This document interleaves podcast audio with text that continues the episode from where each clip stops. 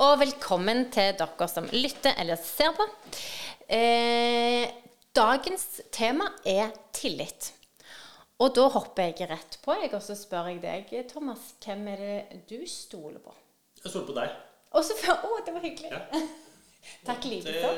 og det er jo en, en, en reise i forhold til å komme dit. Men det handler om alt det du gjør hver dag eh, overfor meg når vi har en interaksjon.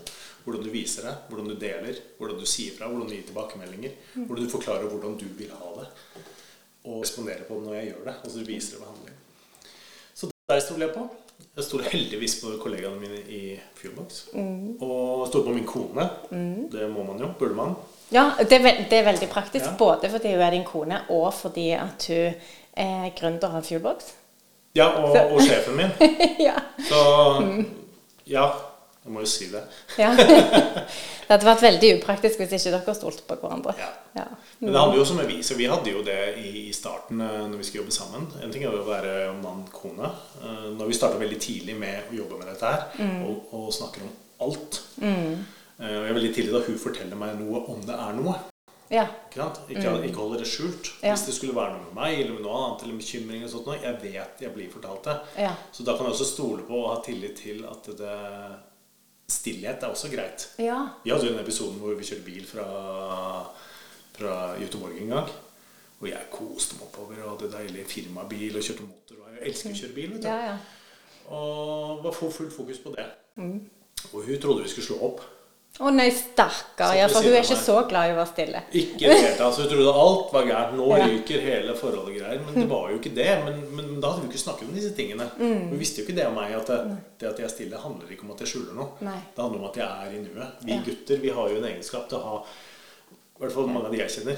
Svarte bokser fullt Mm. av ingenting i, i hodet. Og når jeg kjører bil, eh, så er jeg inni den boksen. da Mm. Og bare registrerer det som skjer rundt meg. Det visste jeg ikke. Det var antakeligvis noen år siden. Det er et par år siden. Ja. Mm, ja. Minst.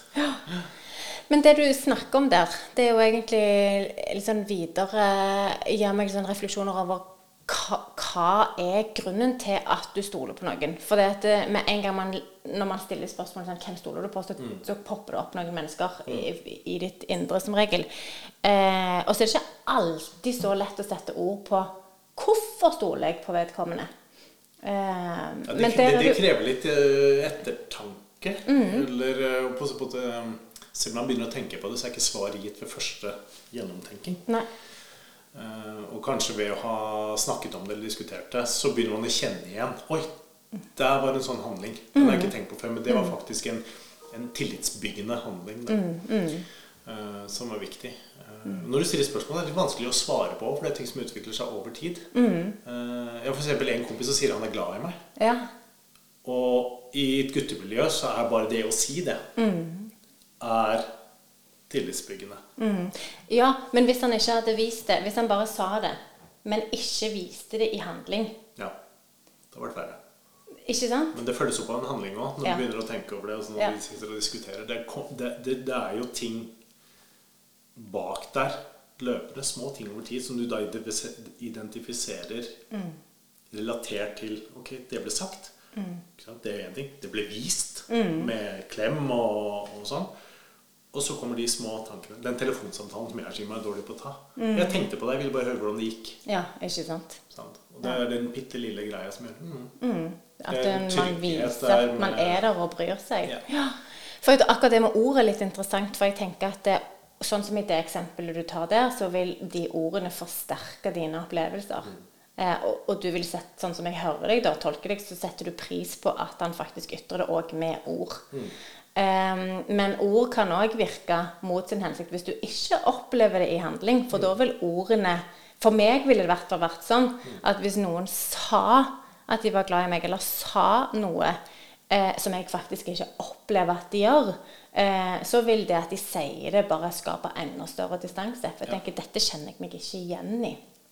Men, men sammen er det jo eh, Ja, er det dynamitt? Ja, det må bli noe ut av det. Og du, Mm. jeg tror det, det som du sier med at det må bevises i handling, Mm. er helt vesentlig. Alle kan lire av seg et eller annet som skal innby til tillit. Ja. Hvis du ikke følger opp, så blir gjennomskua med en gang. Jeg har et eksempel på det Ja. eh, fra jobb i Forsvaret. og Det har jeg tatt med meg hele livet. Vi seilte i Nord-Norge mye på vinteren. eh, Skikkelig møkkavær. Og det som er vanlig da når du står på bro og har ansvar for 40 mann og en båt som skal gjennom disse fjordene, mm. er jo at sjefen om bord har det øverste ansvaret, og så er det klart mange vaktsjefer under. Jeg var en av de vaktsjefene. Og så husker vi gikk opp mot Finnsnesrenna i dårlig vær. Det er mye strøm, det er eh, mørkt, og det er trangt. Vi skal gjennom, og vi skulle gjennom på natta.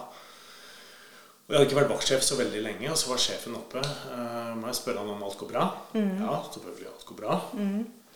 Og så går han eh, og legger seg.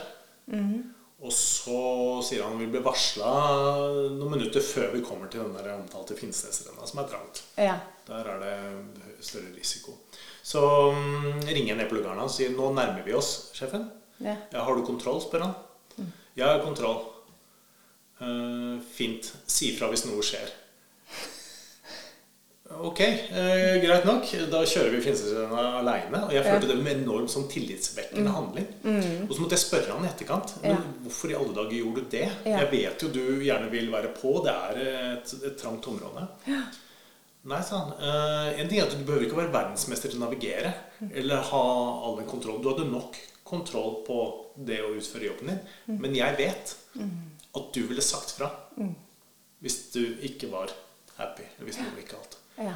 Så det handler ikke om å utføre oppgaven. Det handler Nei. om at han visste han kom til å få beskjed likevel. Ja. Han hadde tillit til at jeg sa fra. At jeg turte å vise nok sårbarhet og si at nå, nå mestrer jeg ikke oppgaven lenger. Nå må du komme og hjelpe meg. Og den har jeg tatt med meg videre. Det... For det- var en sånn sekundærhandling var mye viktigere enn det å få lov til å stå alene. Men så utrolig Jeg tenker jo jeg tenker flere ting her, men så utrolig bra at du stilte han det spørsmålet etterpå. Jeg lurte jo. Ja. For, var, jeg, for meg var, var, var den handlingen Altså det valget å ikke komme opp for å kontrollere meg, det valget var overraskende. Ja. Det vil jeg vite mer om. Og hvis du, altså Noen kunne jo ha tolka det og tenkt å ja, han var sikkert trøtt, hadde lyst til å sove, men han satsa på at det gikk bra. Ja, du satser ikke Ja, eh, et fartøy, altså. Nei, men, nei, men det, men det Jeg syns det er kult at han, at han kjente deg så godt at han vet at hvis du sier du har kontroll, så har du kontroll. Noen andre ville kunne svare ja fordi at de tenker at jeg tør ikke å si til min leder at jeg ikke har kontroll. Så jeg sier ja, og så blir jeg veldig usikker etterpå, egentlig. Eh, men det at han sier det Men jeg visste det, at hvis du sier det, så har du det. Eh, så da, da var det greit. Og det handler litt om å lede gjennom andre. Hvis han skulle stå og kontrollere alt til enhver tid, ikke være sikker på at det vi i hans team sier ifra Det er der tilliten ligger, tenker jeg. Ja, definitivt. Det er det å, ja, men skal vi, vi skal stadig løse nye oppgaver. Det gjelder enhver organisasjon. Hvis vi skal komme videre, skal vi løse ting vi ikke kan. Hvis vi bare gjør det vi kan hele tiden, så kommer vi ikke videre. Skal vi løse ting vi ikke kan, så må vi prøve det. Og så må vi tørre å si ifra når det feiler. Ja, og da kommer tilliten i praksis. Den gangen du tør å si det. Ja, helt klart. Og det, mm, det du snakker om nå, du brukte jo òg ordet sårbarhet. Og definisjonen på tillit Det finnes mange definisjoner på tillit, men definisjonen som Charles Feltman bruker, den liker jeg veldig godt. Em, Det er vel at tillit er å gjøre noe viktig for deg, sårbart for andres handlinger. Den er litt sånn kronglete, men, men tygg på den. At det er å gjøre noe som er viktig for deg, sårbart for andres handlinger. Du legger det på en måte i hendene dine og sier OK, eh, jeg stoler på at du tar vare på dette som er viktig for meg. Og da, og, og, og da blir jo tillit linka veldig opp til eh, sårbarhet. Hva tenker du når vi, når vi sier liksom sårbarhet og det å være sårbar på jobb? Hva slags eh, eh, digresjoner får du rundt det? Jeg tror det kan være forskjellig Ja. fra, fra alle. Hvis vi har de forskjellige atferdstypene som vi jobba med, med tidligere Mm. eh, Det å Alt skal være pinjaktig. Oppleve kontroll. Mm. Være sosial. Eller, mm. eller eh, omsorg. Ikke sant. Mm. Forskjellige ting er viktig i, i forskjellige situasjoner. Mm. Eh, så jeg tror det kan være litt som jeg sa, altså innrømme at det, det er noe du ikke får til. Mm. Kan være ekstremt sårbar. Kanskje særlig hvis du er leder. da Mm. Hei, dette er jeg ny på. Dette får jeg ikke til. Jeg har denne rollen. Mitt ansvar er sånn sånn. Men dette kan jeg ikke. Kan du lære meg? Mm. Da viser du sårbarhet. For du er ikke den, den lederen som kan alt, vet alt, får til alt med en gang. Nei. Um, det kan gjøres på så mange måter. Så det er jo på en måte én én måte å dele på noe. Eh, en annen ting kan være og Det har vi jo flere eksempler på. Uh, ledere som ikke tør å si fra ting og tungt. Og så kommer det ut, kommer det ut gjennom atferd. Altså negativ atferd. Man ser lei ut, man har ikke tid igjen, man er stressa. Ja. Man bruker kanskje stemme. Men jeg er ikke sint på deg. Jeg har det bare vanskelig her. Ja. Hvis jeg forklarer deg det der, Ja. så forstår du hvorfor og kan møte meg på en helt annen måte. Og det at jeg forteller litt deg, bygger en tillit. Begge veier. Vi hadde jo den derre eh, episoden fra Det er noe jeg forteller om i, i noen foredrag jeg holder òg. Mm. Da kontoret mitt ble plastra med meg og min sjef og kone i hengekøya. Ja. Med litt Ja. sånn lykkelig blikk og så på hverandre og sånn. I VG tenker du på? I VG. Ja, Og dobbeltside. Det skulle være en liten notis i VG. med Ja. dobbeltside. Jeg visste ikke helt hva jeg sa ja til. Men det ble jo plastra på kontoret mitt da jeg jobba i et firma i olje og gass. Ja. Og de rev jo ned hele den derre soldatimagen. eh, Ja. Kommer inn liksom litt sånn øy og mørk tilnærmingen, da. Ja, det- Der sitter han liksom er full av kjærlighet i øya og Ja. masse følelser. Og, og etter det så var jeg bare en ball av følelser eh, Mm. overalt, og det ble tulla mye med. Men det det gjorde, var jo at det, ok, men det er jo et menneske bak fasaden. Mm. Det gjør at vi tør å komme med litt andre ting. Og så starta jo den tillitsbyggingen. Nå skal du ikke falle inn i VG, da. Nei. Det er mange For å på en måte få hull på den der Nei. Men og for de som, ikke, de som ikke nødvendigvis tok den linken, så var jo det en artikkel om Ja. Fuelbox for par. Så derfor så var jo det en artikkel om kjærlighet og hvordan dette produktet kom, egentlig med utgangspunkt i deres eh, relasjon, da. Og det Så var ikke det var en ting jeg veldig nødvendigvis snakka om på jobb, for Nei. Mm. det handlet jo om relasjonen hjemme. På jobben så var det mer den 'sånn gjør vi det her'. Ja. Mm. Eh, Så det ble plutselig en knytning som vi måtte nøste litt opp i. eh, Som egentlig åpnet på mange nye, bedre relasjoner. Mm. jeg si.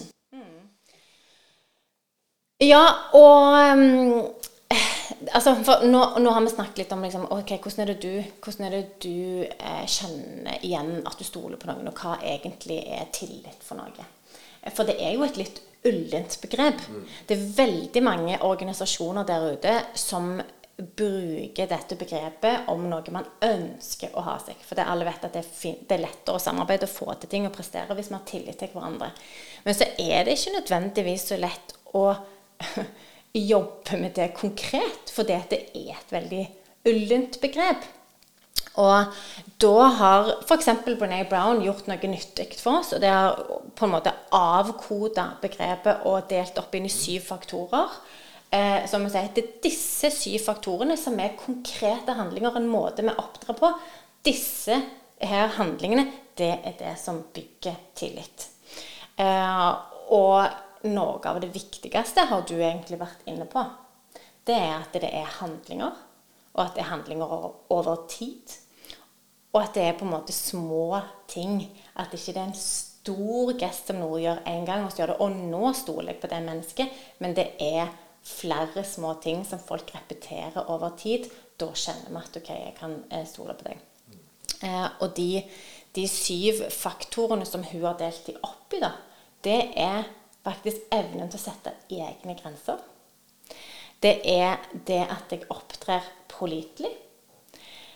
Ta ansvar. Det betyr å ta ansvar både for meg sjøl og mine egne feil.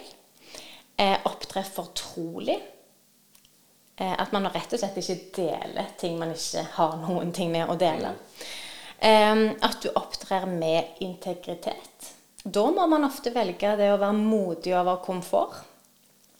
Eh, ikke dømme eller vurdere. Og være sjenerøs. Og dette er jo ting man kanskje kan Det er veldig eh, store ting. Det er ting som er selvsagt. At vi ønsker å opptre på den måten.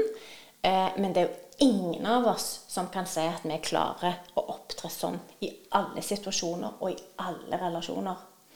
Men hvis vi er liksom bevisst på disse typene av atferd, så kan man jo òg tenke igjennom og si OK, hvor er det egentlig jeg ønsker å utvikle meg? Hvis jeg ser på disse syv faktorene, hva er det jeg trenger at jeg kan eh, jobbe med? F.eks. sette grenser. Så kan jeg begynne å tenke OK, tid, eh, hva tid er det jeg syns det er utfordrende å sette grenser?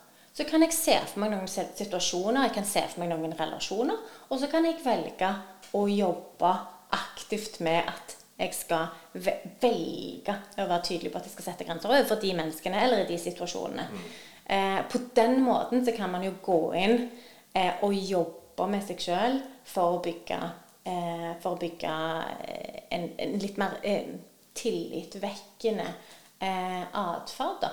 Men jeg tror du skal jobbe med det du sier, jobbe med det, med det sjøl Jeg tenker jo at for å klare å jobbe med det sjøl Alt dette er relativt. Tenker på særlig det siste ut med sjenerøs. Jeg syns jeg er kjempesjenerøs når unga får en ekstra brus. Um, men vil helst ha ordning og reda hjemme. ikke sant? Uh, For andre så er det det er ikke sjenerøse i en plass. Det er ikke litt oppå skalaen på sjenerøsitet engang. Nei. Så det å avstemme med hverandre, f.eks. du sa også grensesetting på, på jobb. da. Ja, men Hva er tydelig grensesetting Ja. for meg? Men hva er det for deg som kanskje jeg skal sette grensen overfor? Ja. Dette er jo en, en sparring, eller en diskusjon eller en samtale som må tas med, med de i teamet. Eller kollegaene bør ikke være team engang, men de du jobber med. da. Fordi du, du tror er en plass, andre oppfatter deg på en helt annen måte. Og avklart det, og så velge noen små ting, noen handlinger rundt det som gjør at du kan eh, skyve på de de områdene du ønsker å bli bedre på. Og ikke minst få, vi, få tilbakemelding på et sted kanskje du syns du er dårlig. da. Du sier, Nei, men der er du kjempegod. Du er kjempetydelig. Ja, hva gjør jeg for å være tydelig? Hva gjør jeg for å sette grenser? Jo, du sier sånn og sånn og sånn. For meg så er det veldig klare rammer. Ja, så bra. Da er det på plass. Da, da gjør jeg mer av det, eller forsterker det. Og så kan jeg velge et annet område jeg kan jobbe litt med. Men jeg tror det med det å få avklart hvor man er i forhold til andre, eh, for alle har forskjellig perspektiv på det, er superviktig. Så ta en samtale rundt disse punktene du sa, med Absolutt. noen du stoler litt på, for å få en ærlig tilbakemelding på jo, du, her er du der, og her er du der. Mm. Ja, det, jeg tror du det står rett jo bare at man har hatt samtaler rundt denne type atferd og rundt denne type tematikken, gjør jo at vi forstår hverandre bedre. Eh, og hvordan vi virker på hverandre. Ja. Um, så, så bare det å ha samtalen i seg sjøl, selv om du kanskje ikke opptrer annerledes en gang etterpå, så har du allerede der eh, bygd det litt. Ja. Hos oss er dette viktig, og det handler litt med, med kultur igjen. Bare ha, som du sier, har sagt det, så du satt det på agendaen, du begynner å jobbe med det, da skjer det noe med kulturen. Mm, ja, ja, definitivt. Og så en annen ting som jeg tenker på når vi snakker nå, det er jo at det, det, denne type atferden, da Det er jo ikke sånn at jeg kan si at jeg er sånn. Jeg opptrer på denne måten, eh, og det er meg og min personlighet. For det vil jo alltid avhenge av den andre personen. Jeg kan være kjempeflink jeg å sette grenser overfor deg, fordi jeg er trygg på deg, men kjempedårlig overfor noen andre. Som kanskje ikke tar deg så godt imot i min erfaring, eller som jeg er usikker på hvordan vil tolke meg hvis jeg eh, gjør det. Em, så det handler jo veldig ofte Vi har nok et spenn med mennesker. At jeg med min trygghet og min personlighet har et spenn som jeg opptrer innenfor. Men inni det så er den dynamikken helt totalt avhengig av både ulike relasjoner og ulike situasjoner. Eh, og jeg tenker jo at hvis man bare har snakket om Hvis jeg f.eks. har snakket med deg om hvordan syns jeg det er å sette grenser hva syns, tid syns jeg det er vanskelig? Hva tid syns jeg det er lett? Eh, hva betyr det? Hvorfor er det viktig? Bare ved å ha hatt den samtalen, så vil det være mye lettere å sette grenser etterpå. Eh, så Og det Ja. Jeg tror det du sier med situasjon, det er viktig. Eh, Nå er jo mange jobber på et kontor hvor vi har kanskje noen La oss diskutere alt hele tiden. eh. Hvis du plutselig bryter ned og sier nei Jeg bestemmer at det skal være sånn. Hva skjedde nå? Nå sa Tonje bare nei. Hvorfor det? Ja, eh, det passer ikke inn i den situasjonen. I eh, når man øver i Forsvaret igjen må relatere litt til det, for jeg Ja. synes mye der er bra å trekke over. da Så øver man jo forskjellige situasjoner. Man øver ofte i fredstid. Man øver under kontrollerte former. Og så skal du bruke det kanskje i en stressende situasjon. Det er det ene. Eh, Det andre er at du skal jo bygge, du skal bygge tilliten til et team hvor det ene situasjonen sitter og diskuterer en løsning på et problem. Men når du kommer i en stressende situasjon, så skal du ha bygd nok tillit til at alle de rundt forstår at når jeg sier ja, nei, gjør det, gå dit, stå i ro Hold kjeft, til og med, hvis det blir Ja. eh, ordentlig stressende. Så handler ikke det om vår relasjon. Nei. Det handler om den situasjonen. Men det må bygges opp til, da. Ja. Så man skal kunne håndtere det. Det er jo masse, masse arbeidsplasser som har den type situasjonsendring. Mm. For å bygge det ene for å få til det andre. Ikke minst ha, ha eh, tilliten til hverandre også i de situasjonene. Mm. Selv om kommunikasjonen blir veldig hard. Da. Det du sier der tror jeg er kjempeviktig, det er at man har hatt de samtalene som gjør at man forstår hverandre før man kommer opp i en situasjon. For det, på alle arbeidsplasser så vil man komme opp i, i situasjoner som er, er utfordrende og vanskelige. Eh, og det er så ufattelig mye lettere å håndtere de på en god måte hvis man har bygd opp eh, den type tilliten i, i um, utgangspunktet, da. Eh, og det, fra hjerneforskning så vet vi at det er liksom én ting man kan gjøre som trumfer alt annet for å bygge tillit. Eh, og det er å dele med hverandre. Eh, og de hjerneforskerne som, som eh, forteller om dette, de er òg veldig tydelige på hva er det man skal gjøre på arbeidsplassen for å bygge tillit. Og det er jo å dele noe som er litt personlig med hverandre. Dele noe som gjør at jeg skjønner litt mer av hvor er det du kommer fra. Hvem er du som menneske? Og det jobber vi jo mye med i, i Fuelbox òg.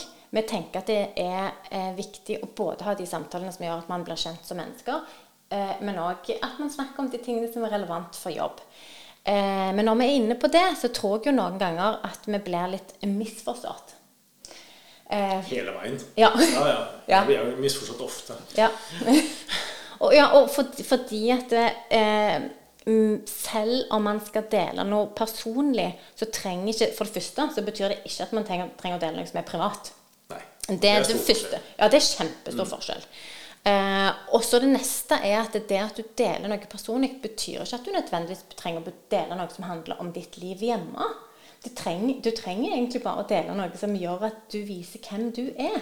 Og om det handler om at du tør på en måte slippe deg ned og stille et spørsmål, eller på den måten eh, eh, vise en slags sårbarhet på jobb, eller snakke litt om hva du syns er, vanskelig, eller hvordan du liker å få tilbakemeldinger, ting rundt kommunikasjon. Der kan man òg i aller høyeste grad bygge gode relasjoner som gjør at jeg forstår deg bedre. Eh, og nå er det nå sånn at de der samtalene som gjør at vi blir kjent som mennesker, eh, de setter veldig mange ofte veldig stor pris på. De er veldig effektive. Eh, men det, det, det er ikke sånn at man trenger eh, å bygge de veldig sånn private, tette båndene. Eh, Det er derfor alle voksne våre eh, har en del relasjonelle spørsmål, som egentlig er trinn én før du går på den faglige delen. Mm. Ja. Mm. Akkurat for å knekke den lille koden der. Det skal ikke mer til enn f.eks. bare å stille et spørsmål. Mm. Og vise interesse om noe og respondere på det. det en ting. Mm. Og som du sier, så bør vi ikke gå inn på det private. Eh, Det holder jo med å si f.eks. som vi snakket om i sted Dette syns jeg er vanskelig. Mm. Det kan være en arbeidsoppgave. Det er jo ikke privat i det hele tatt. Men det sier litt om at jeg er her og ikke der. Mm. Absolutt. Absolutt. Um, og det henger jo òg tett sammen med, med Jane Dutton, som har gjort en, en forskning på high quality connections. Uh, og der man ser at det er ikke overraskende at de teamene som har kvalit altså god kvalitet i sine relasjoner, de presterer bedre. De løser oppgaver bedre i sammen. Men så ser du òg at hvis du snur det på hodet, de som får utfordringer og løser oppgaver sammen, de bygger over tid eh, gode relasjoner. Ja. Um, yes. Uh, du, dette kunne vi ha snakket om i, i eh, lange baner, men vi er jo veldig opptatt av å gjøre ting konkret. Så hvis du skal gi tips da, til folk der ute, hva, sånn, på en helt sånn enkel basis, hva tenker du eh, man kan gjøre for å bevisst jobbe med å bygge tillit på jobb? Egentlig et veldig vidt spørsmål. Mm. uh, som egentlig burde være så konkret at da alle som hører på, kunne gå i morgen og gjøre sin lille greie. Mm. Um, vi snakket litt om det i første episoden. Se folk i øya, gå rundt, snakke med dem. Mm. Ja. Så dropp den mailen. Ja. Mail er distanserende. Mm. Det å gå, inn på kontoret eller ned på arbeidsplassen til, til noen er uh, tillitsbyggende i seg selv, bare Mm. Ja. Mm. den handlingen. Um, når du møter noen, si hei. Spør Mm. hvordan det går. Men ikke bare spør hvordan det går, for da kan det typisk bli sånn frase. Mm. Still det ene oppfølgingsspørsmålet. Som gjør at du er interessert i det den sier. Og da blir, jeg ser deg, jeg har hørt deg, jeg, er interessert i det du sa. Det er tillitsbyggende. Um, mange syns det er vanskelig å komme i gang med akkurat sånne spørsmål. Det går an å forberede seg litt på gjennom uh, flere av våre eller annet. Bare å kikke litt på hva er enkle spørsmål, ufarlige spørsmål. Det går an å starte den lille tillitsbyggingen med. Og så er det jo det med hva du deler, da. Fordi klart Stiller du et spørsmål og får et svar, så bør du kanskje respondere lite grann. Tenk gjennom hva som er litt personlig, som kanskje er ok å dele. Eh, Benytt en mulighet hvis det er noe du ikke kan når du snakker med teamet, til å si 'dette kan jeg ikke'. Kan dere hjelpe meg? Hvem kan dette best? Da er du i gang med en gang. Eh, I hvert fall så ny som leder, så er det en kjempemulighet hvis man starter den dialogen. Ja, absolutt. Istedenfor å lukke døra på kontoret og skal finne ut alt sjøl, så er du liksom langt nede i den relasjonsbyggende og tillitsbyggende veien. Det høres komplisert ut, men det handler egentlig bare om disse små spørsmålene. Hvem kan hjelpe meg? Hallo. Ja. Um, og, og vi gir jo alltid lytterne våre eh, tre spørsmål. Ja. Og de tre spørsmålene de ønsker vi at dere skal benytte og rett og slett bruke for å kickstarte gode samtaler med dine kolleger, med folka du har rundt deg på jobb. Eh, Så vi skriver de, for de som ser på dette eh, på YouTube, så skriver vi de i teksten. eh, Og andre kan notere hvis de ønsker. Nå skal jeg ta en bare liten jingle før Thomas Du, du har rota litt i appen og funnet tre spørsmål som handler om dette, sant? Så rote fram det vi skal ha. Ja, kjempebra. Da kjører vi jingle.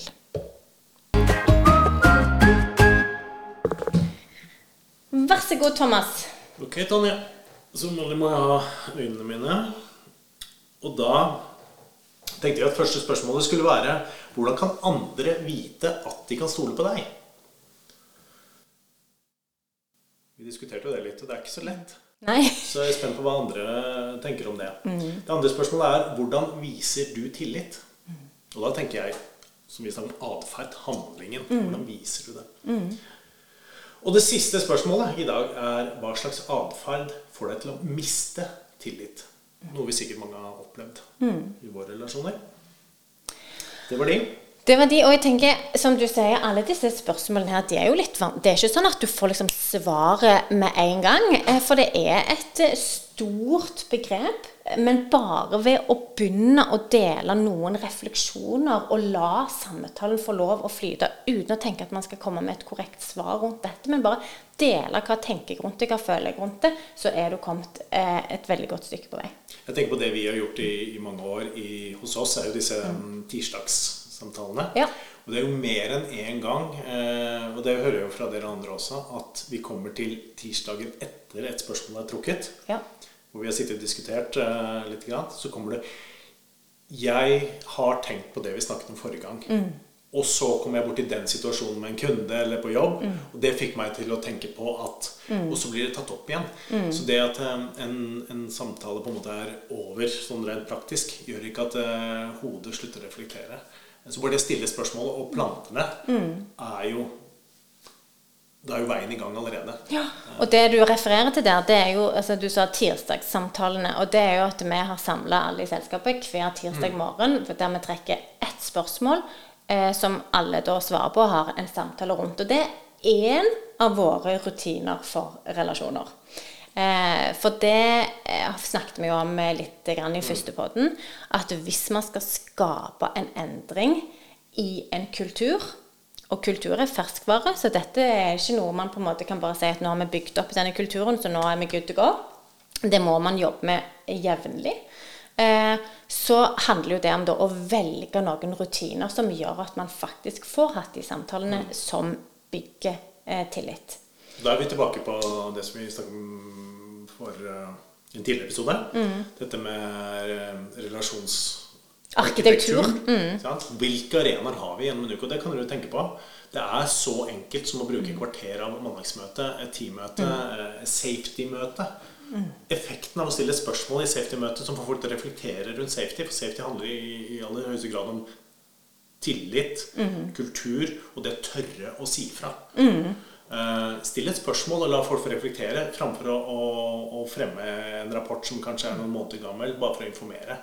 Det førstnevnte, ved å gjøre det i en arena som allerede fins, det bygger tilliten, og det skaper en helt annen dialog og diskusjon, og ikke minst setter i gang de tankene hos folk. Og skaper eierskap. Ja, i aller høyeste grad.